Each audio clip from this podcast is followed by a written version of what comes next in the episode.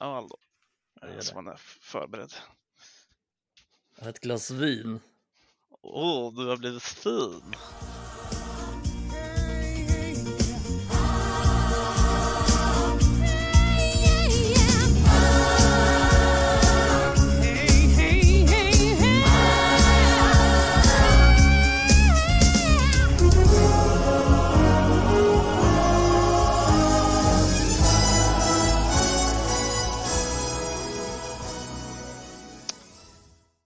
Vad blir 10 gånger... Ja, vad fan, nu vart det helt fel. Vad blir 10 gånger 16? En bra fråga Jonas. Vi ringer Ja. hit vår gäst som är professor i matematik. Jonas Bruno. Mattepodden. Andersson. Eh, 160 blir det nämligen. Och eh, det är också vilket avsnitt vi är på idag. Eh, vad kul va? Eh, det är faktiskt ganska stort ändå. Någonstans. Mm. Snart 200. Ja. Ja. Vad hände vid Eh. 150? Vi gjorde ingenting. Firade inget Nej, jag, alls. inte, nej, jag gjorde inte ett skit. Jag vet inte ens om jag var med då faktiskt. Nej. Jag var förmodligen med, men jag kommer inte ihåg när det var. Eh. Men vi firade väl med ja, någon öl eller två eller ett glas vin eller som vi alltid gör. ja, men eh, det, det är ju varje poddtillfälle ungefär. Ja, Eh, vi men, firar varje eh, istället. Ja, exakt. Eh, Idag är det bara du och jag igen. Adam eh, tar hand om familjen. Eh, och vi kände att en pratstund du och jag kan vi väl ha. Det är trevligt. Brukar vara trevligt i alla fall. Ja, det är mycket trevligt. Det hoppas vi Mm. på den här gången också. Jo. Det blir intimt, Eh. ska jag kalla dig Bruno hela? Får börja göra det. Kanske. Jag heter ju ändå Bruno Lilo på, um, eh, på Twitter. Så att eh, helt okänt kanske inte är för alla. Eh, och vi ja, har en vecka bakom oss helt enkelt. det har vi, den här Eh, gången också. Ja, ja, precis. En vecka som återigen har innehållit två matcher, en Europa League, en FA-cup. Eh, det är inte bara vi som kan få röda kort, ska man summera, summera veckan så. Eh, och det är inte bara vi som spelar som tappar huvudet. Eh, Fan, vi spelar ju aldrig i ligan. Nej, det är väldigt lite liga nu. Det är Känns mer. Europa League än liga känns det som. Ja, jag är lite inne i den, eh, på den grejen också. Och, med tanke på det så slipper vi fan inte undan, undan, slipper vi inte undan Spanien. Nej, nej, det är helt sjukt. Och inte Sevilla heller. Nej, nej exakt. Jag ska tillbaka till samma jävla stad också. Eh, helt jävla sinnessjukt. Jag var så trött på att när jag såg Sevilla, fast jag visste det ju någonstans. Jag visste att det skulle stå Sevilla på den där lappen. Det är så jävla tråkigt. Eh, Men vi kan väl spöa all- alla spanska lag. Vi har ju slagit ettan och femman och ja, fyran har vi eh, en vinst och en Ja, precis. Och smått. sen, Så att, ja, Sevilla ligger inte så bra till så. Nej, de är två poäng från nedflyttning såg jag. Jag var tvungen att kolla det idag. Ja, de förlorade mot så att det- Getafe igår, som, alltså det var en match i bottenstriden. Jag har ju lite koll när jag skriver lånekolle med Alex Telles. Och Ja, just det. Det är Jag lite- den. Det är fan måste jag följa den jävla skiten lite? Och De har ingen utköpsklausul på honom än det va? Nej, det verkar inte så i alla fall. Får- väl se om vi blir av med honom till, till sommaren. Det känns ju inte direkt som att han har någon framtid i United. Man säger så. Nej, jag vet inte. Ska han peta? Nej, nej, nej. då, hade han, väl- då hade han väl behållit honom från början känns det som. Inte lånat Han hade ju någon se- sejour där på försäsongen. Det känns som en svunnen tid som mittback. Han spelar ju typ eh, vänster mittback i Sevilla nu. De kör ju ibland med fembackslinje, så spelar han Ah. vänster i trebackslinjen. Det är han Eh, som kommer in mm. som vår nya mittback nästa år då. Ja, det blir väl det. Det var det Jag gillar- Erik Ten Hag gillar försökte testa. Precis, han vill ju ha vänsterfotade eh, spelskickliga mittbackar känns som. Just på den där positionen.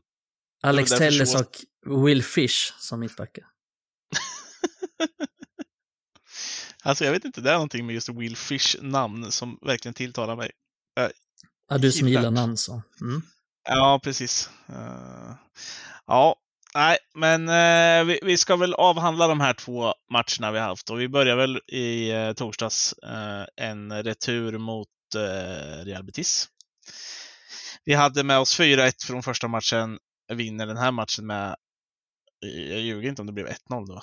Nej, det blev, uh, blev det. Ja, fan, jag glömde ju bort det här. Det var, det var en ganska intetsägande match i mångt och mycket. Ja, det var det.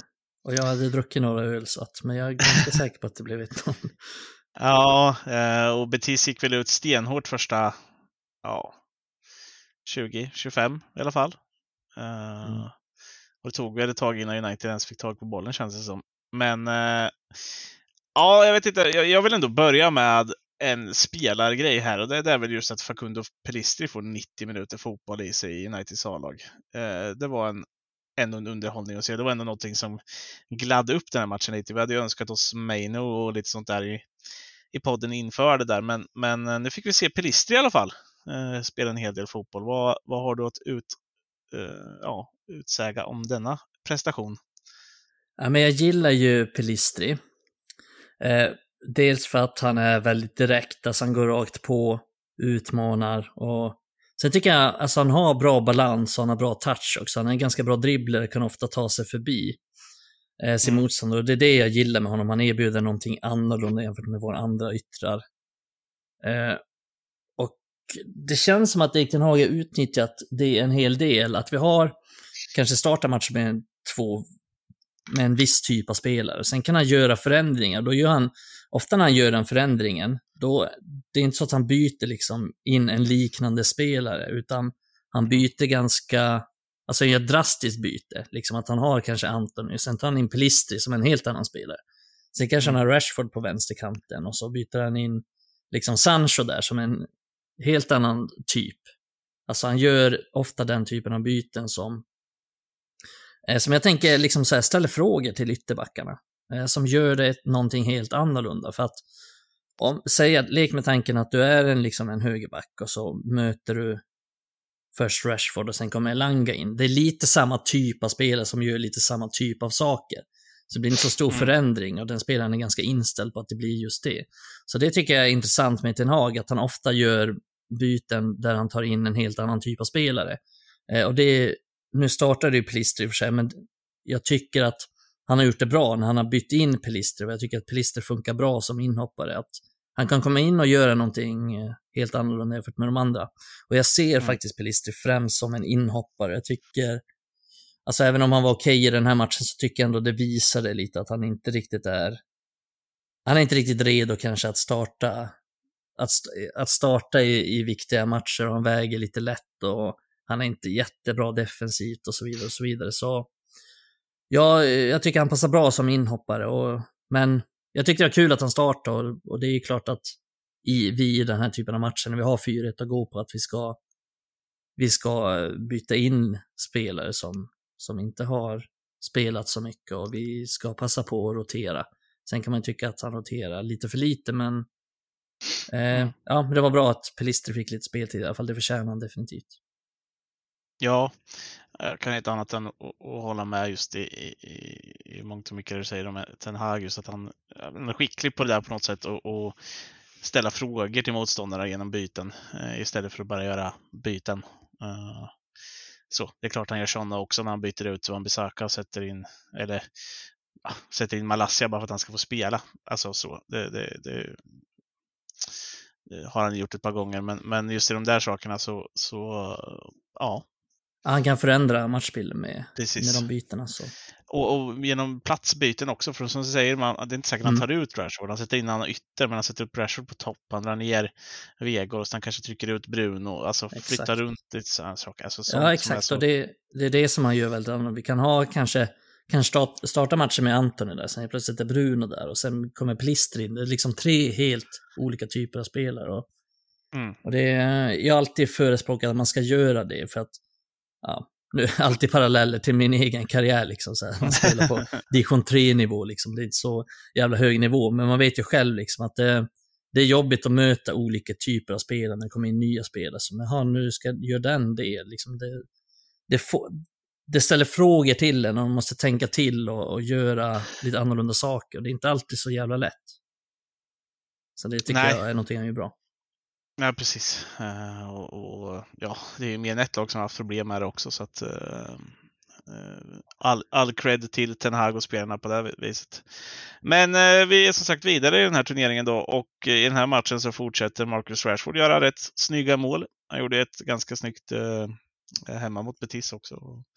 Han dunkar väl lite nästan ännu snyggare mål här i den här matchen, även om han hade väl en eller två lättare chanser att göra mål innan det. Eh, så väljer han att göra det på det där sättet. Eh, hur, hur mycket betyder egentligen Rashford och hans målgörande? Även om han gör det där så ett långskottsmål i det här fallet. Då, men han gör ju en hel del andra eh, lättare mål också. Vad, vad betyder det för laget? Det är en ganska obetydlig match i sig. Då. Vi, vi vinner med 1-0, totalt 5-1. Men han fortsätter ju avgöra matcher. Eh, ja, nej, men det betyder såklart jävligt mycket att vi har den typen av matchvinnare och han är ju vår, ja men egentligen vår enda stora målskytt den här säsongen. Vi har inte så många som har gjort så många mål och han är ju den som har gjort överlägset flest mål och fortsätter att göra mål. Så att det är klart att han någonstans, jag vill inte säga bär offensiven, men snudd på. Så han är ju vår viktigaste offensiva spelare och kanske vår viktigaste spe spelare överlag den här säsongen tillsammans med Casemiro då. Eh, mm. Så nej, men han, han betyder extremt mycket och att vi kan få den typen av mål. Han är ju sånt hot, inte bara i djupled men också precis som, den, som du säger och i det här matchen mot Betis där. Eh, han har ju ett jätteläge precis innan och så ja. skjuter han liksom 10 meter över när han bara ska sätta in den och sen gör han mål ur det, inte omöjliga läge, men ur ett jävligt svårt läge där han får till ett enormt bra skott och Nej men att alltid ha det hotet som han har. För att det går liksom ja. inte att värja sig mot det. För att han, han, springer, han springer i djupled och han hotar där. Men han hotar också i den typen eh, av skott utifrån. Men också att han går rakt mot sina försvarare. Att han har det självförtroendet och äh, fortsätter att göra alltså, extremt mycket poäng. Och han är ju... Fan, vi, vi snackar inte om det så mycket egentligen. Men han är ju liksom Nej. en av Europas alltså bästa spelaren den här säsongen och en av de mest poängstarka spelarna i hela Europa. Liksom. Det är ju typ så Erling Haaland och Mbappé och sådär. Sen är det ju typ Rashford. Precis. Efter VM så tror jag, ja, fram, jag vet inte hur det är nu efter Haalands jävla makalösa vecka här, men, men, men, innan den i alla fall så har han ju varit den målrikaste spelaren, tror jag i alla fall, i topp 6-ligorna. Ja, precis, men det, det går ju typ inte att jämföra med med Håland heller. Alltså det är så, han har inte så löjliga siffror, men, men annars är, så är han ju där uppe. Men mm. det, är, ja, det känns inte som att så många snackar om det. Eh, vi snackar om det. det. Vi har ju eh. nämnt det ett par gånger här såklart. Eh, Precis, men ändå kanske inte man... nog mycket. Jag vet, nej, men jag vet, det, det, känns lite så. Det känns som att man tar det lite väl mycket för givet. Mm. Det ändå, vi har sagt det innan, och, men det kanske är värt att nämna det igen. Alltså att vi, vi satt i, för ja, lite mer ett halvår sedan då, säg sju, åtta månader, nio kanske till och med, så satt vi och sa att vi kanske skulle göra oss av med honom till PSG. Mm. Eller till någon annan klubb. Att Rashford kanske inte var tillräckligt bra för att spela i United längre. Mm. Uh, och, och, så står vi här nu. och jag kan inte se att vi har råd att göra oss av med honom någonsin. Uh, Nej. Nej, nu är, man ju inne, nu är man inne på det att han ska vara kvar för alltid. Liksom. Ja, Oavsett vad. Uh, precis. Och det kan verkligen väl vara sådär. Hade det varit Antoni vi pratade om i somras, så säga att han hade varit tidigare i United eh, eller någonting sånt där och inte lyckats, eh, så hade man nog sålt honom då också. Det, han vinner nog en del på att han är en United-spelare through and through. Ja, verkligen. Och, och, att han är den han är, liksom den människan. Ja, precis. Och eh, är nog relativt viktig kan jag tänka mig i omklädningsrum och sånt också. Eh, med tanke på hur länge han ändå har varit där och trots sin relativt ringa ålder. Uh, som sagt, Uniteds yttrar, ytterforwards håller ju ingen, ingen högre uh, genomsnittsålder direkt. Uh, och, och, Rashford är ju den äldsta utav dem. Uh, och, och, är ju fortfarande, ja, börjar närma närma sig sina prime-år egentligen. Ja, det är fan sjukt att han är den äldsta av dem. Det har jag inte tänkt på. Ja, det är han. Nej, ja men det är han faktiskt. Uh, om man räknar, ja nu räknar jag inte in Bruno där till exempel. Då. Men, uh, men och, och Martial är väl snäppet äldre också, men honom har jag också räknat som forward. Jag tänker vi kan inte räkna alla som yttrar, då har vi för fan nio stycken. Exakt. Nio stycken per match. Ja, precis. Bruno går ut dit och sen Martial ut på vänsterkanten. Ja, och så är Vegårs snart där ute också och springer. Eller hästen som han börjar kallas. Eh, jag vet inte, alltså, eller The Horse har jag bara sett på. Trojansk häst. Mm, skickad från, vilka då? Från Liverpool eller? ja, det, ja, det kanske det är. Ja, vi har redan berört Mycket den tyder på det. Den där klappen på Liverpool-märket. Ja, Eh, exakt. Förklaringen har vi läst också. Får tro på den om man vill eller inte. Eh, men i alla fall, vi är ju vidare. Jag vet inte om det finns så mycket mer att ta av just Betis-matchen och om vi istället ska flytta över och fokusera lite mer på Fulham som, som spelades igår. Eh, det är väl ja, snart 24 timmar sedan den drog igång. Eller det är lite mer än 24 timmar sedan den drog igång.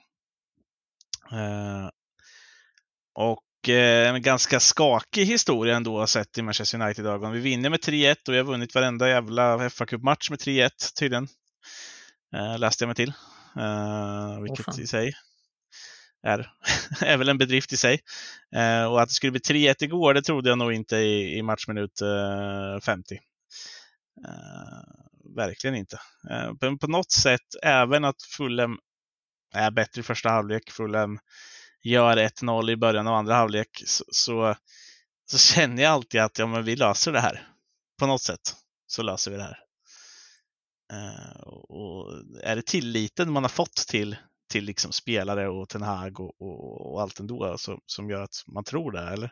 För det var ju inte bra i första halvlek. Mittfältet var ju en total katastrof till exempel.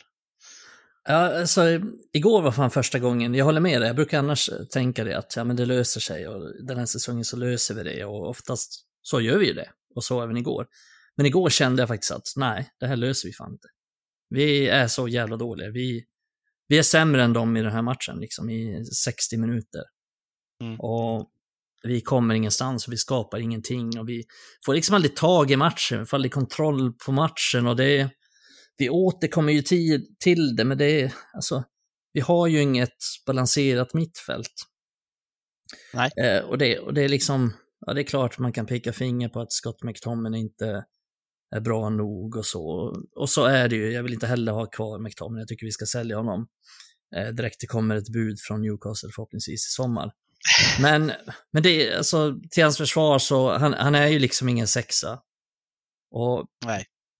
det är liksom inte rättvist heller att förvänta sig att han ska vara det. Han, han, liksom, det, det, det är inte hans men vad- styrkor och det är inte hans roll och sen spelar han med Sabitzer och jag tycker att de två är ju lite likadana också.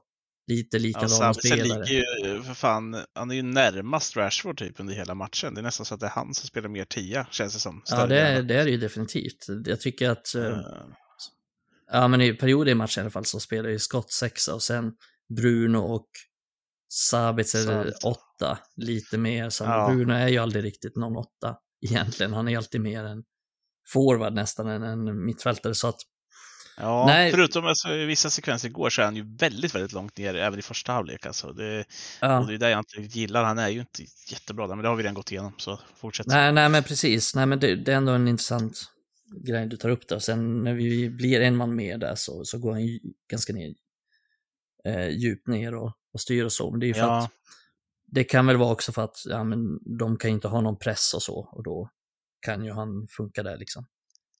Eh, Ja, han, är, det han är inte jättebra ju- liksom. Exakt. Det Han jätte, kommer ju lite innan eh, de röda korten där. Eh, för det kommer väl till att, och då spelar vi ju alltså Bruno som Casemiro-roll. Och så har vi Sabitzer och Sancho framför. Och sen blir det Sabitzer och Fred framför efter en stund. ja, exakt. Det, Ja, det det är otroligt märkligt, men det funkade ju igår, kan man säga. Eh, helt uppenbart. Och sen får vi väl tacka då. Eh, dels, jag måste bara, om vi bara ska ta det röda kortet då snabbt, det första. Eh, som är Hansen och räddningen, det tycker jag är rött kort om man tittar på repriserna. Det har jag inget att säga någonting om. Det ska vara straff och rött kort för räddning. Sen får vi väl tacka Alexander Mitrovic för årets hjärnsläpp. Eller? Ja, det, det får vi. Vi vinner inte eh, utan, utan de här två grejerna egentligen. Men sen, sen får man ju ändå säga att det är liksom bra prestationer både av Antoni och Sancho. Och där har vi ju Ja. en, en slags kvalitet ändå. Och Och det, ja, Sancho det jävligt bra i den situationen med tanke på att det är bättre att, att alltså det som händer, händer snarare än att han gör mål på den situationen. För då är jag fan tveksam ja. till om vi skulle ha vunnit ändå. Så om man bara hade gjort ett vanligt mål så att säga. Ja, precis. Uh, så att, ja, jag tror Sancho får mer betalt utav att ha gjort någonting lite sämre. För han ska ju bara göra mål där. Alltså, ska inte ens behöva träffa en spelare. Utan, vi är otroligt dåliga på det här att göra mål när det bara är spelare kvar i målet. Alltså jag vet inte, ja, Rashford har missat. Alltså. Rashford har missat, Garnacho har missat vet jag, Sancho missar nu uh, egentligen då. Uh, mm. Nu blev det ju bra betalt ändå, men, men, men jävlar vad dåliga vi är. det, det, det är väl en, tre mål i alla fall som vi kanske skulle haft uh, på de där grejerna. Eh, nu kan man ju få annat för den då, då men... Eh, Avsluta som Bruno vid tredje målet istället. Ja, jävlar vilken smällkaramell.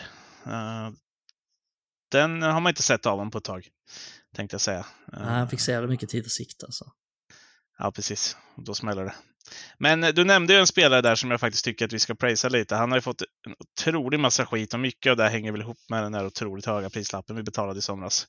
Och det är väl så att Anthony är ingen miljardspelare. Det har vi sagt förut och det kan man ju bara slå fast att så är det. Men det var det vi betalade och på något sätt så vet jag att eh, den här interna chatten vi har haft, att du har ju prisat honom för att precis det Ten Hag sa också en gång där att vi är ett bättre lag med Anthony på plan. Och det tycker jag ändå han visar igår. Det är han som är möjligheten till att vi ändå vänder den där matchen. Det är han som är högst bidragande till hela den där situationen. Eh, bra löpning, bra passning. Uh, och, och, jag har ju mycket annat mycket bra alltså, tycker jag överlag. Han får mycket skit och han kanske inte han är lite en one trick pony när det gäller hans egna grejer. Det är det här gå in i banan och skruva den i bortre. Ja, så är det nog. Men, men han bidrar med mycket annat till laget som gör att det blir liksom mer stabilt på något sätt. Eller vad, jag vet att du har sagt det i, i som sagt, chatten, men, men lägg gärna ut det här också. Ja, mm, ja, jag vet inte riktigt hur jag formulerat mig där eller vad jag sagt, men, men det känns som, när jag tänker spontant, att jag håller med om det. Alltså att vi blir ett bättre lag med honom på planen och jag tror att det är för att han liksom är en naturlig högerytter och vi har inte riktigt det i truppen. Visst, Pelistri kanske men han har inte spelat så mycket. Men annars så har vi inte riktigt det och han eh, det jag tycker han gör bra det är att han drar isär lagen. Han håller sig ganska långt ut på kanten. Men också att man nästan alltid kan ge honom bollen och han kommer bibehålla bollen. Och vi, vi har ju väldigt svårt med det överlag och det märks inte minst i de här senaste matcherna där, ja men, där Casemiro börjar vara borta och vi tvingas spela med typ Sabitzer och McTominay på planen. Och vi får inte till något riktigt mittfältspel och vi har extremt mm. svårt liksom att bibehålla bollen. Och jag tycker redan mot så här, vi snackade om det mot Liverpool, efter matchen mot Liverpool och vi snackade om det efter matchen mot SA-15 och, och det hände ju egentligen mot Betis också att vi har svårt att bibehålla bollen inom laget och slå liksom fyra passningar inom laget. Vi har svårt Eh, även i den här matchen mot Fulham. Och det blir, den saken blir nästan alltid bättre när Anthony kommer in. För att han kan hålla i bollen och han är ganska bra på att värdera när han ska hålla i. Eh, han kan också, liksom så här, det är många gånger han, hur ska jag uttrycka det, fake utmanar och sen vänder han istället hem och håller i bollen. Och då tror jag många tänker att, men fan han kan inte göra sin gubbe, han kan inte göra någonting. Men jag tror det är viktigt att vi har den typen av spelare som ibland kan värdera och hålla i bollen. Jag menar, han bedömer att ja, men jag tar mig inte förbi den här spelaren. Ja, men då vänder jag hem och så börjar vi om och har lite mer tålamod.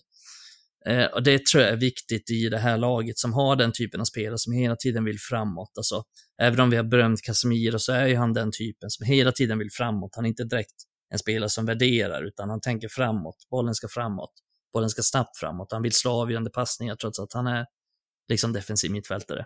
Bruno Fernandes vill det, Rashford vill det och så vidare. och så vidare. Vi har extremt många spelare som vill spela den typen av spel och som vill spela den typen av omställningsspel som Solskär har förespråkat och som Solskär egentligen har byggt truppen med. Eh, så det är inte så konstigt att de spelarna är det, men nu försöker Erik Hag göra någonting annorlunda.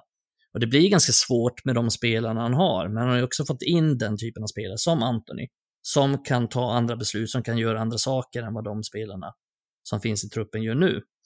Eh, och kollar man på liksom så här, vårt genomsnittliga boll, bollinnehav i ligan, det är bara 53 procent och det är inte ens topp 5 i ligan. Så vi är knappast ett lag som kontrollerar matchen med boll.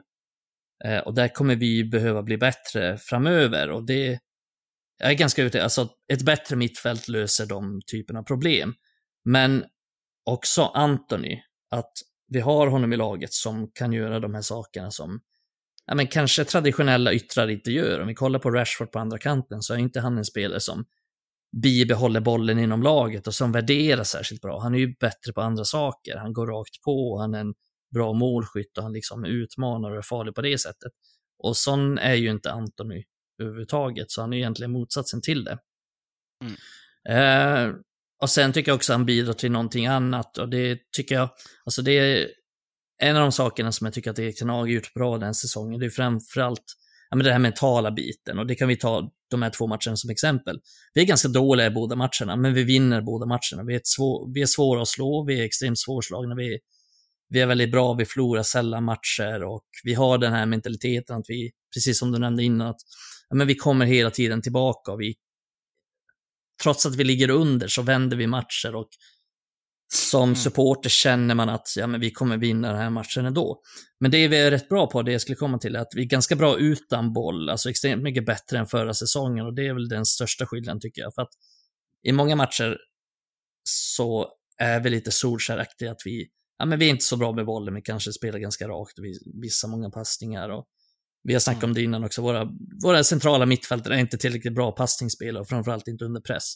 Men det han har gjort bra, det är att vi är bra utan boll, extremt mycket bättre än förra säsongen. Och det är en av de största skillnaderna. Där tycker jag även Antoni bidrar till det. Jag tycker han bidrar till två av de sakerna. Att vi är bättre utan boll, men också att vi är mer värderande med boll och kan hålla i bollen och värdera bättre på så sätt. Så även om han inte gör så mycket mål, så mycket assist, ja, framförallt inte assist, även om det var en fenomenal passning till Sancho där som borde ha varit en assist, eh, så så gör han mycket nytta på annat sätt. Men nej, han kommer aldrig bli en miljardspelare, men han kommer vara nyttig och han behövs i truppen. Så jag har svårt liksom att, det är många som har ifrågasatt så här bara, ja, men varför har vi Antoni när vi liksom har Ganacho i truppen? Ja, men Ganacho mm. är inte samma spelare som Antoni, han bidrar inte med samma saker. Ganacho är jävligt bra på det han gör, men han kommer aldrig bli en sån spelare som Antoni som kan värdera, som kan hålla i bollen, som alltid kan vara en referenspunkt, en uppspelspunkt på det sättet. Mm. Eh, så eh, spelartypen Antoni behövs. Sen blev det lite onödigt dyrt, men han behövs definitivt. Och jag tror att han har fått mycket skit innan, precis som du sa, men jag tror ändå att så här, lite på sistone att en del har börjat omvärdera det och börjat se lite vad han bidrar med. Eh, mm. För han gör mycket nytta. Ja, och det är precis därför som du säger också som Ten Hag värvade honom. Just på grund av allt det här att han vet vad han får ut av honom, han vet stabiliteten som han ändå får. Plus några magiska moments då och då.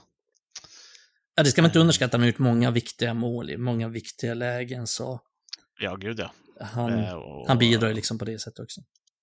Exakt. Eh, och på något sätt får man ändå igenom, han är, han är också ganska ung. Han har många år framför sig och det är hans första år i Premier League. Han kommer från Holland innan någon form av akklimatisering. Det är många som går igenom. Det är inte första gången en spelare inte gör ett, en dröm första säsong i Premier League eh, som senare har blivit ganska bra. Så att vi ska nog inte såga i tur den där värvningen ännu i alla fall. Nej, eh, eh, och mångt och mycket på grund av det du säger. Eh, ja, och eh, allt det här då eh, leder oss ju fram till att vi ställs mot Brighton i en ehm, eh, semifinal.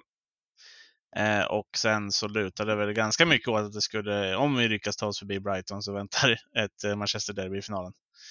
Eh, om inte Sheffield United skräller sönder eh, i, i sin semifinal mot Manchester City. Men eh, vad tror du det betyder för spelarna? För att en semifinal i EFA-cupen betyder ytterligare ett besök i, till Wembley. Vad betyder det, liksom bara den biten för för laget eh, i sig, för Ten Hag och, och för spelarna.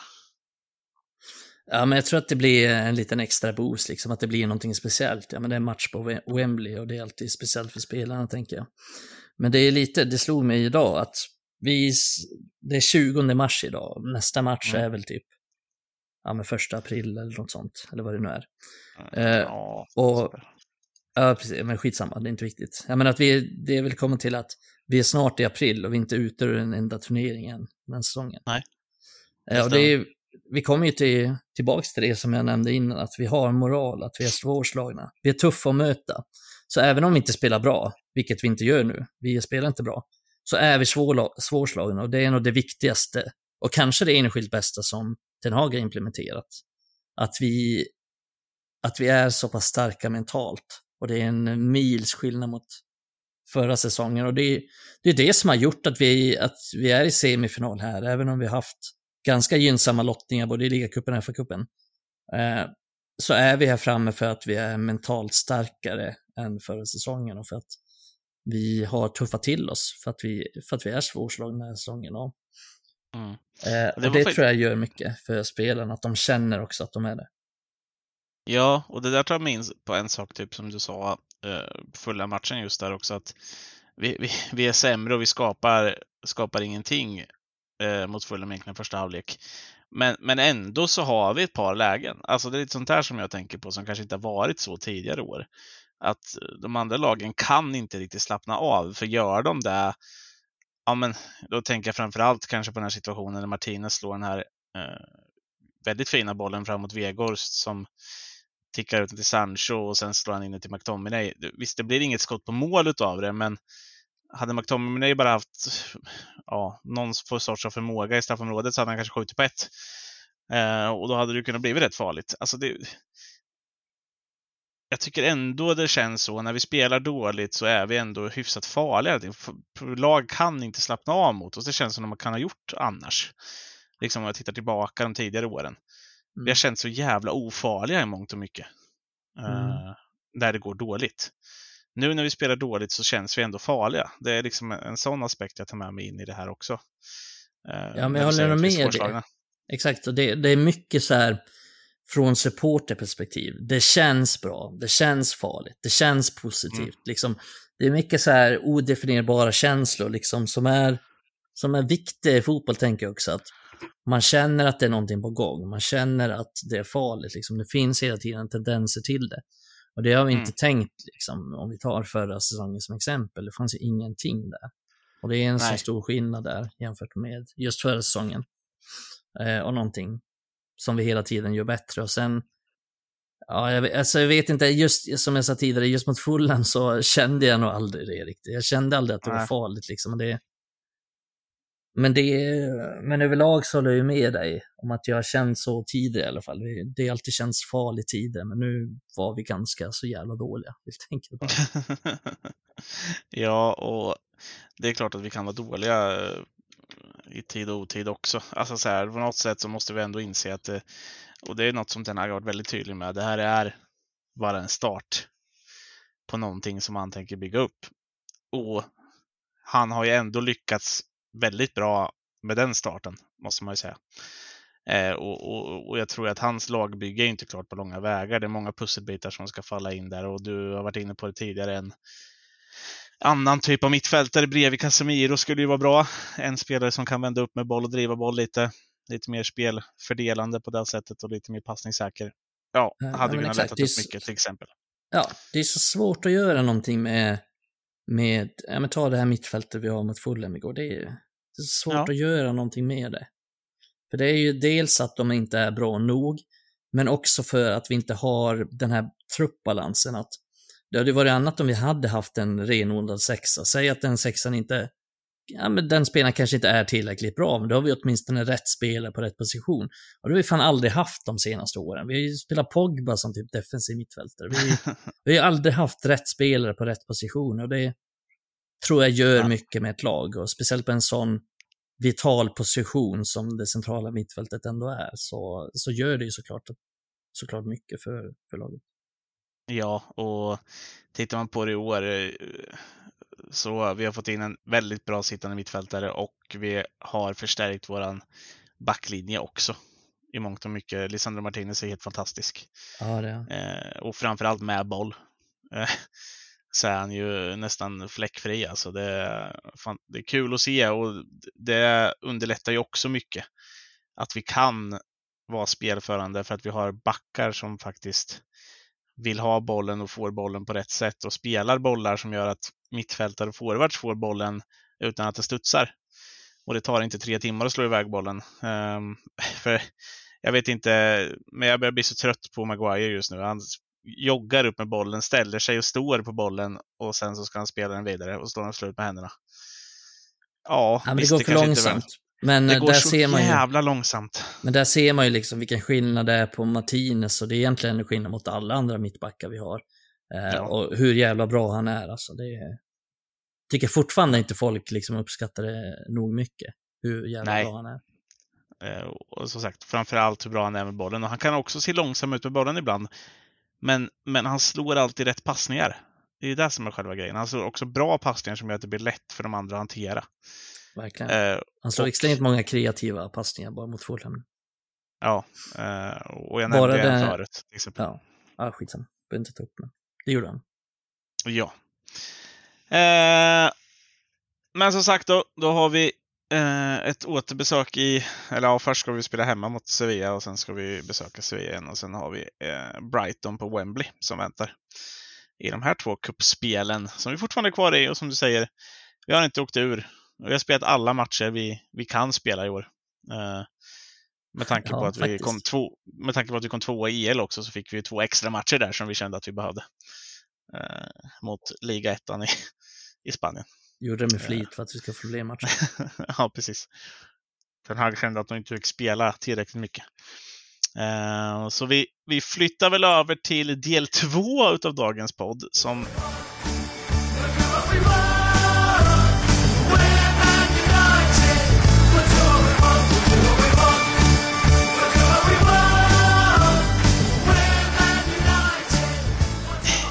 Ja, vi har inga matcher att prata om den här veckan som kommer. Det är landslagsuppehåll. Skönt. Ja, så vi avslutar podden här då. Vi tackar så mycket och eh, nej, ska jag bara. Klart vi inte ska avsluta. Jag slängde ut lite um, frågeinlägg. Uh, uh, idag gjorde jag det och det fick uh, lite svar i alla fall. Vi tackar alla som interagerar med oss. Och Först så vill jag bara ta med Hampus Johansson, 9 på Twitter. Status Martial skriver han. Och då hänvisar jag glatt till eh, vad heter det? Skadekammaren? Vad heter det på? Rehabrummet. Rehabrummet på Red Det är ju fan du som har skrivit det förut.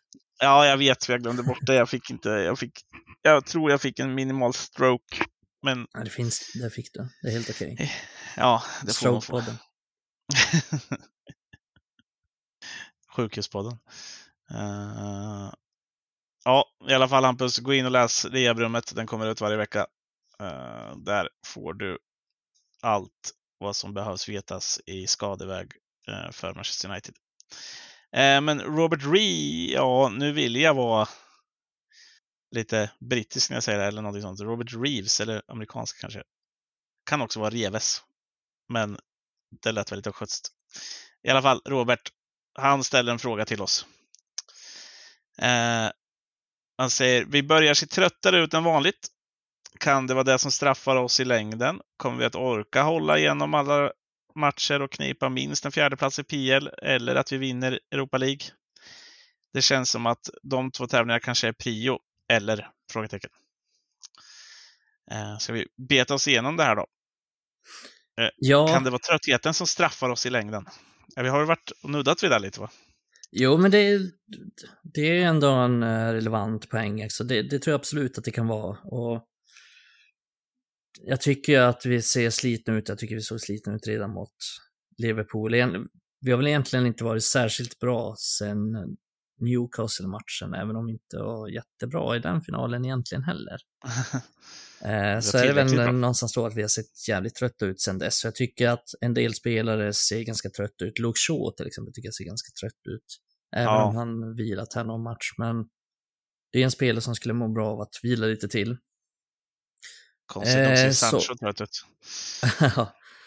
Nej men det, ja, vi ser trött ut men jag tycker som jag brukar säga att det är så diffust att snacka om för att man får ändå lita någonstans på att Erik Ten Hag har koll på vilka spelare som orkar göra det, vilka spelare som behöver vila, vilka som vilka som är för trötta och så vidare. och så vidare. Och det är uppenbart att ja, men Bruno Fernandes behöver aldrig vila, men man får ju ändå känslan av att typ Luke Shaw skulle vara bra att vila lite. Och Rashford, nu ska inte han vara med, han har ju liksom gett återbud till Englands landslags Mm. Samling, så att det är ju bra, så får han vila upp sig lite. Men överlag, så, som lag, så tycker jag att vi ser ganska trötta ut. Men sen är det ju också det här med mittfältsproblematik och vi saknar Casemiro ganska mycket, vilket gör att ja, men det, det, ser ganska torftigt ut och vi är ganska dåliga emellanåt. Eh, vi blir ännu sämre liksom. Man får ändå tänka på att vårt ordinarie mittfält är ju Casemiro och Eriksen kanske. Och båda de har missat extremt många matcher ändå den här säsongen och, och fler kommer det bli nu när Casemiro är avstängd tre matcher till och Eriksen är ju på väg tillbaka. Men Han är på väg tillbaka, ja. ja exakt, men sen tycker jag att eh, ja, men det, det, är så viktigt att ja, men Casemiro blir sånt stort avbräck. Alltså jag tycker att, ja, det är klart att vi saknar Eriksen, men jag tycker ändå att Casemiro och Fred är ett rätt bra mittfält. Eh, men det är ju framförallt att vi saknar Casemiro då som gör att det ser ganska dåligt ut, plus den här tröttheten. Då för, ja, det är klart att det känns att spela två matcher i veckan, liksom hur, hur länge som helst. Vi har spelat två matcher i veckan i typ ett halvår nu, så ja, det är oroande.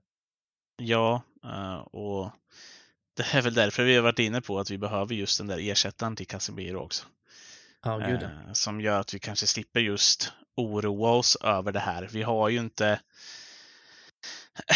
Alltså, om man bara ska jämföra med något, men Arsenal har ju åtminstone El Neny att slänga in när, eh, eller haft det i alla fall, när Partey varit borta tidigare. Liksom. Eh, nu har de Jorginho i, i vissa fall, nu är inte det samma typ av spelare, men El Neny är åtminstone en defensiv eh, bollvinnare. Och United har ju inget sånt egentligen. Nej. Vi har ju en, en, en, en springande Scott McTominay och en, en jagande Fred. Och sen har vi Sabitzer på det som är väl en bättre version av, av McTominay skulle man väl säga. Eh, och det ger oss ju inte den där stabiliteten och då blir det ju tröttsamt. Nu är som sagt Eriksen kanske på väg tillbaka, men jag ser ju inte heller vem som skulle spela bredvid Eriksen och det skulle funka eh, speciellt bra.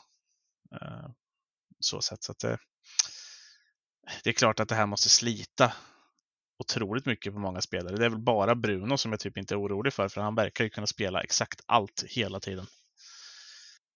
Det, det är ju någon form av evighetsmaskin liksom i, i, den där mannen. Även om han ser trött ut ibland. Ser, men jag tror att det är mest att han är lite gnällig. Han tycker att det inte är så kul när det går emot och lite sådana saker. Och det kan man väl ifrågasätta när han är kapten och sådana grejer. Men ändå. Jag älskar Bruno. I alla fall när han spelar för oss. Det är ju en fantastisk spelare att ha. Uh, han får slå bort mycket bollar för min del. Så länge han fortsätter göra de där poängen så, så, så gör det inte jättemycket för mitt. Det gäller ju att ha andra spelare runt omkring honom bara som kanske gör det andra spelet. Ja, lite så är det. Uh, ja. Uh, det var en del av frågan. ja, kommer vi orka hålla genom att knipa? Kommer vi, ja, kommer vi orka knipa en fjärdeplats i PL eller tror du att vi vinner Europa League? Uh, ja, det är svårt att säga. Det är jag, väl, jag... jag antar att det här syftar på att vi, ska, att vi ska ta oss till Champions League och det är väl de två. Ja, men jag tror att vi tar en topp 4-plats i Premier League. Mm. Sen är det ju så, lite svårt att säga, men vinner vi kuppen, vinner vi Europa League, ja, det är, vi är kvartsfinal och vi, skulle jag säga, vi är favoriter till att vinna den titeln, eller vi är det bästa laget som är kvar i den turneringen, så det är klart mm. att vi har bra chans att Ja, vi har en enormt bra chans. Det skulle vara en enorm besvikelse om vi inte tar oss till Champions League nästa säsong med tanke på de förutsättningar vi har nu. Att vi är kvar i Europa League och är favoriter till att ta den titeln plus att ja, men vi ligger trea i ligan och har ja, men vi, vi är såklart favoriter att bli topp fyra i, i PL också. Så att, mm. Mm. Du tror, tror du vi står där mot Roma i, eh, i finalen i Ungern? Det finns ju någon chans och möta Mourinho. ja, det, det hade kul, varit något. Mm. Vann inte Roma Conference League förra året? Mm. Mourinho skulle kunna plocka Conference League, Europa League, Champions League sen. ja, han har ju redan vunnit Europa League med United. Ja, precis. Men jag tänker i rad sådär. Det hade varit rätt snyggt eh, med samma lag. Eh, nu är det långt kvar tills dess dock. Och jag tror inte Roma har jättemycket att hämta i Champions League om jag ska veta det. Nej. Jag vet inte om de har mycket att hämta här heller. Och du eh, ska outa dig lite, men du sågade ju Juventus lag ganska hårt igår. Eh, Ja, det gör det. inte jätterädd för dem alltså. Även att Ja, Di ja, ja, spelade. alltså, det är mest när jag kollar på deras trupp att de har en sorglig upplaga. Men Mm. sen är det väl klart att det är, de är ändå relativt stabila liksom och, och så. Det är väl inget pisslag så, de är ju bättre än liksom Real Betis, men det är klart att United skulle vara favoriter mot Juventus i dagsläget. I dagsläget så bör det väl vara så om inte annat med tanke på hur Juventus ser ut och hur de går också.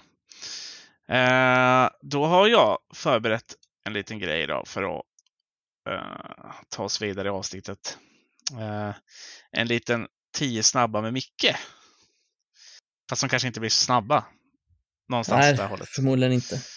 Ehm, och jag skrev ju på, på Twitter-inlägget eh, och på Facebook där att eh, man kanske undrade vad du äter till mellis eller vad vi tycker om Uniteds avbytarbänk. Och, och avbytarbänken har vi varit inne rätt mycket på eh, nu, framförallt mittfältsmässigt så har vi väl pratat ut om det i, i tre avsnitt i alla fall.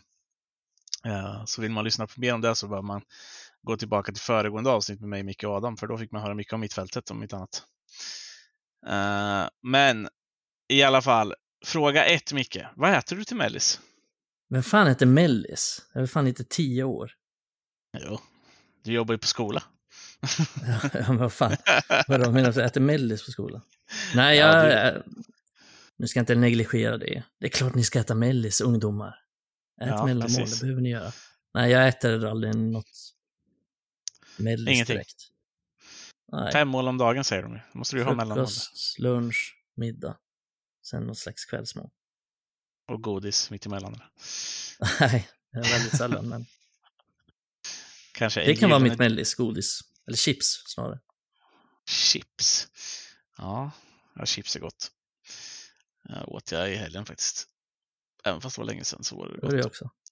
Ja, det ska, ska man inte underskatta. Vad äter du för chips? Eh, Estrella Sour Cream eller Estrella Ranch. Ja, här är det, är det den här vattendelaren till chips som eh, går ner. Salt och vinäger. Åh fy fan. Ja, det är, en, det är en liten vattendelare. Jag åt en vattendelare till, till mat idag också till lunch. Fiskbullar. Åh fy Det fan. är också en sån här vattendelare. Åh fy fan. Många tycker det är pissäckligt. Jag älskar det. Eh, Men, men, om vi ska gå över till de tio snabbas eh, lite mer United-inriktade frågor då. Och då har jag börjat med nummer två. Här. Vem har varit bäst hittills den här säsongen tycker du i Manchester United? Ah, Casemiro hade jag sagt innan, men nu har han fan dragit ner nu lite med sina avstängningar så att jag säger Rashford. Du säger Rashford. Ja. Jag är nog väldigt mycket inne på att säga Martinez här faktiskt. Eh, Ja, det, jag säger fan inte emot dig. Fan vad bra han var. Nej, alltså, jag vill säga, alltså, det är så jävla lätt att säga Rashford på ett sätt. Och det, det kanske är för att man underskattar hans prestation lite. Men, alltså Alltså Martinez. för, för laget, för liksom så här spelmässigt om man säger så. Rashford har Mm. gjort alla målen och så här, men det är inte så att han har dominerat spel, rent spelmässigt. Och pratar vi bara spelmässigt, ja fan då är Martinez där uppe alltså. Ja, eh, och det står väl mellan de där tre som har nämnts nu egentligen det gör eh, i mitt huvud. Det är Casemiro, Rashford och, och Martinez. Mm. Eh, Man kan säkert...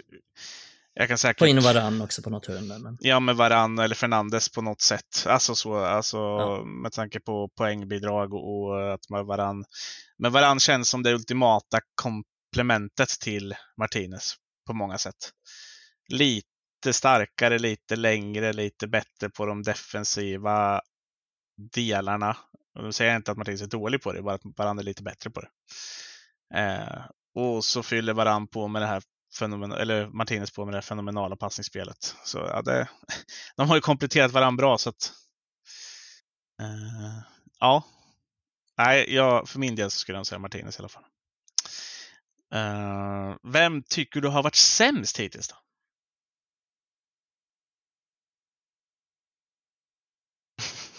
ja du. jag vill bara säga att det här har inte Micke fått förbereda sig på, utan han får ta det här lite på uppstuds. Jag tycker det gör det lite roligare. Ja, fan känner mig lite hård kanske. Ja, men jag tycker väl ändå att man ska få vara lite hård också. Maguire har varit rätt dålig den säsongen tycker jag. Elanga är nog där uppe också. Mm. De har inte spelat så mycket. Finns Nej, jag har vet. spelat? Det är det som är... Jag tycker inte någon har varit så jävla dålig som har spelat så mycket. Nej, jag är... Jag, alltså jag kan absolut köpa Maguire-delen. Och skulle jag sagt under, under hösten så skulle AVB vara med där, men han har ju vältrat upp sig något fen- fenomenalt nu. Mm. Känns som han och Dalot har bytt dagsform ungefär. Ehm, men jag är, fortfarande lite inne. Nu, nu tyckte jag väl att det var några stygn som släppte i slutet av matchen i arslet på Sancho där, men, men, men annars är han med där också. Jag Ja. tycker inte det ser bra ut. Han gör vissa bra grejer, han, målet mot Liverpool i början av säsongen och här grejer, men i mångt och mycket så är han inte den spelaren han borde vara. Jag tyckte han var bra mot Fulham, men annars så är han ju lite av en besvikelse. Mm. Han kanske går in på en annan fråga här som kommer. Men vem är säsongens skräll för dig då? Som du kanske inte trodde skulle vara så här bra? Alltså, jag trodde inte Martinez skulle vara så här bra. Mm. Eh, som han var. Jag s- inte sett Trodde mycket ju av inte på honom i... Casemiro heller i och för sig. Jo. Det har jag väl sett. Ja, okej då. Med Ehm, den. Nej, det, Martinez är en liten överraskning, jag har sett hur bra han är, men sen annars får jag väl säga eh, Garnacho. Mm.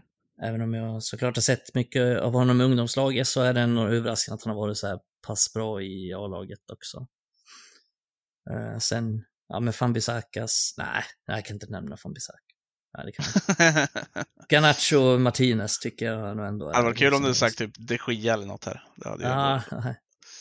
hade ändå uppskattats tror jag. Eh, nej, men jag kan hålla med dig om Garnacho. Det är väl ganska lätt att säga Garnacho också. Uh, den yngling som ändå går in och tar för sig och har ju gjort ett par avgörande mål också. Framförallt mot Fulham. ja, just det.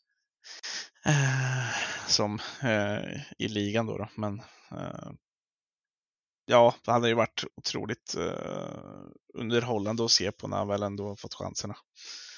Så det är klart att han är, jag är ganska jag är, alltså jag, en av mina skrällar för säsongen är ändå Luke Shaw. Ja, jag har vetat att han haft det här i sig, men det har ju sett så otroligt trött ut i så många år. Och man har ju inte riktigt litat på det. Han har ju inte haft den här jämnheten i, i form så här länge någonsin, känns det som. I alla fall inte efter benbrottet. Ja, men han var ändå så här bra under Solskjaer den säsongen när vi kom tvåa tycker jag. Ja, Men inte hela tiden. Då var han också skadad rätt mycket. Han har inte varit borta speciellt mycket den här säsongen. Någonting har ju hänt där. Han är inte, visst han ser lite trött ut nu, men han har inte varit borta så mycket som han har varit innan. Han håller sig ganska frisk. Han är även ändå överraskat att kunna spela mittback i en fyrbackslinje också. Vi har ju sett honom som mittback i en trebackslinje innan, men, men inte i en fyrbackslinje på det sättet.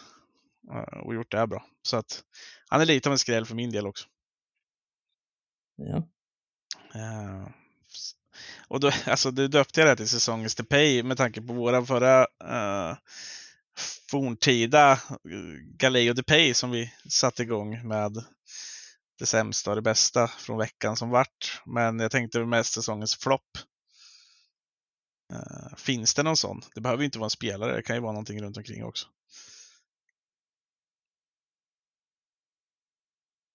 Säsongens flopp.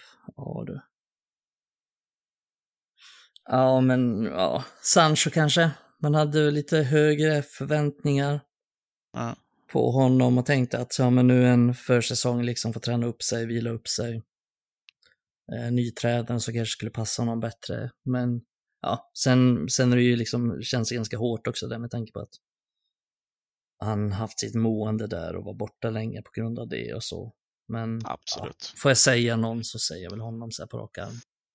Ja, Eh, skulle jag få tänka länge så skulle jag kanske sagt något annorlunda, men det är det jag kommer på spontant sen. ja, det är det du ska göra också. Mm. Säsongens The Pay för mig är ganska lätt. Det blir 7-0 matcher mot Liverpool. Ja, fan. Den är ju förträngt och därför jag inte tog upp den. Den har aldrig skett. Nej. Fan, vi kom väl överens om det. Det var bara du och jag efter den matchen också. Eh, alla, alla flyger när det regnar lite tungt. Eh, men ja, nej, den, det jävla helvetet. Även någonstans förlusten mot Arsenal också på Anfield var väl inte superkul. På Emirates? Ja, säger jag Anfield. Jag menar Emirates. jag är kvar vid Liverpool. Släpp det nu. Det har ja. aldrig hänt. Nej, okej. Okay. Eh, står David de Gia i mål för United säsongen 03-04? Säsongen? 03-04, alltså kommande säsong. Kallar man det 03-04? Eller, ja, okej. Okay. Mindfuck. Tänkte, vad fan? Är det här ett quiz? Vi är, är, är vi, är, vi är ju i 03 nu och nästa säsong blir ju då 03-04. Jaha, om du säger det så. Höst, höst vår. Eh, fan vad svårt att säga. Alltså, ja, säga 03. Helt på hur mycket... Jag menar 23-24. Fy fan, jag är ju helt dum i huvudet. Ja, det är du. Ja, du jag, jag ville bara inte såga dig i realtid. Nej, men du får såga mig. Fan, jag har ju en stroke eller någonting. Jag umgås mm, så mycket med min flickvän. Ja, 23-24 då, fortsätt. Um, det beror helt på hur mycket pengar som finns tillgängliga. Men jag säger nej. Han nej. står inte. Jag säger ja. Jag tror inte vi köper någon ny målvakt. Nu är det här rent spekulativt och det här är faktiskt en undring. Så, eller, jag tittade tillbaka på lite gamla frågor, eller kanske sånt vi inte tagit upp innan, så att den, den mm. är faktiskt tagen därifrån.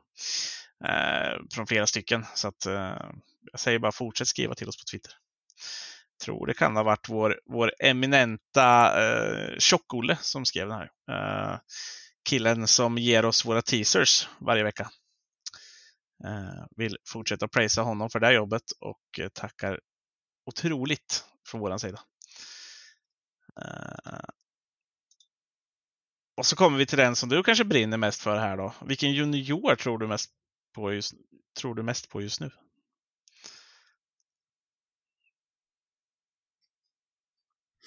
Det är väl Kobe Maino skulle jag säga. Ja, ja sen om du såklart. Om du får vara roligare att ta någon som inte är med i A-laget just nu Upplys våra läsare som inte har så bra koll. Läsare, våra lyssnare. Det var stråken fram igen. Ja du. Jag har fan ingen så här på laget som jag känner är riktigt, riktigt intressant. Just Hur går det för norrmannen då? Ja, sådär.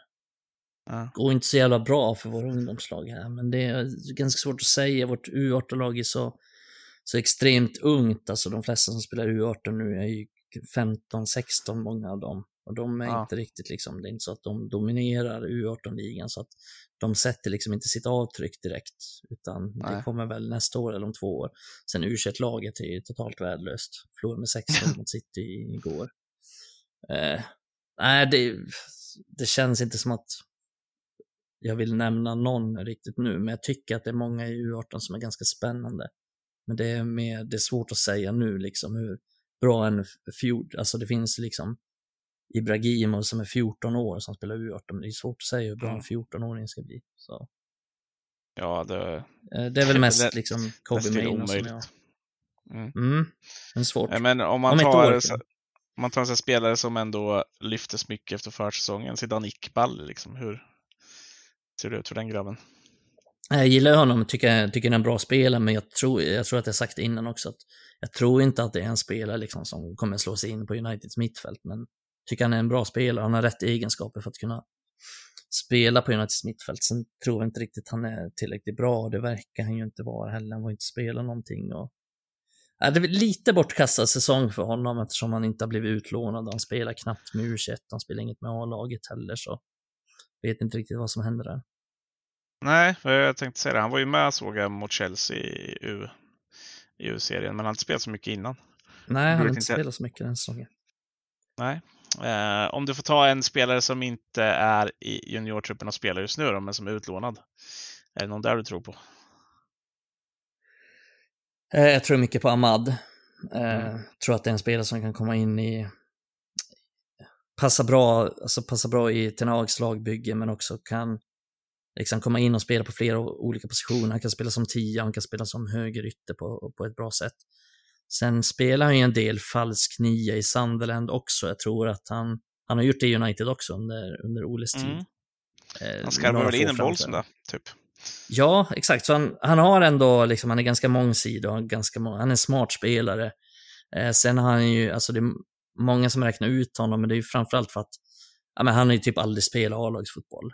Eh, och det nämner ju Tony Mowbray nu också att han har ju, han missar ju nu två matcher med skada.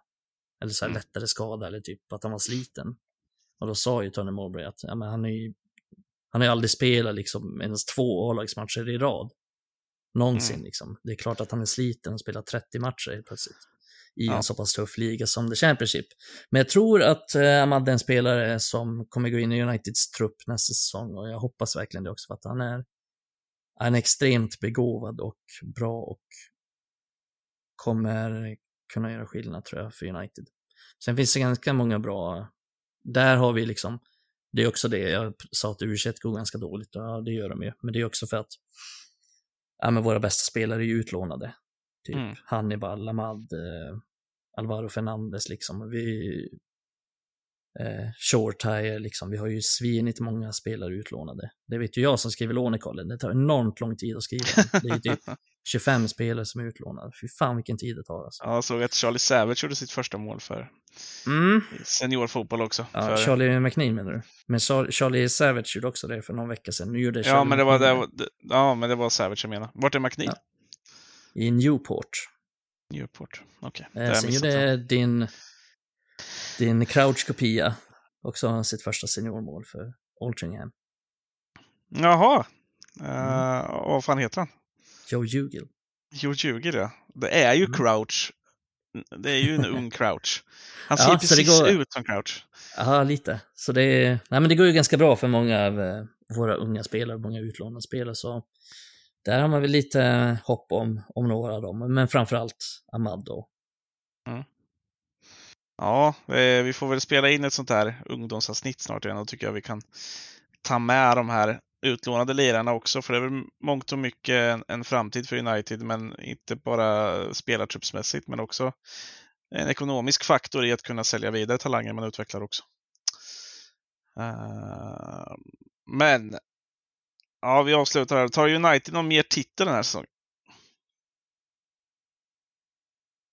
Vi vinner Europa League. Vi vinner Europa League. Inte FA-cupen. Nej. Vinner Nej. aldrig FA-cupen. Hade du, hade, väljer du själv att vinna Europa League före FA-cupen om du hade fått välja någon av dem? Bra fråga. Beror på vad vi kommer i ligan. Jag är lite Ja. sugen på, fan jag känner att vi har vunnit för få fa Cup-titlar. Mm. Eh, I Europa League har vi ju liksom, ja det har vi vunnit en gång och ganska nyligen ändå. Och jag vet att vi vann fa cupen också hyfsat nyligen, men överlag så vann vi den ganska få gånger liksom under de senaste åren med, med Fergie, trots att vi borde ha vunnit Ja. flera gånger. Så jag är lite sugen på att få lite fler fa Cup-titlar. Ja. Uh, jag säger också Plus, att det, det, plus att det betyder att vi vinner mot City i finalen också.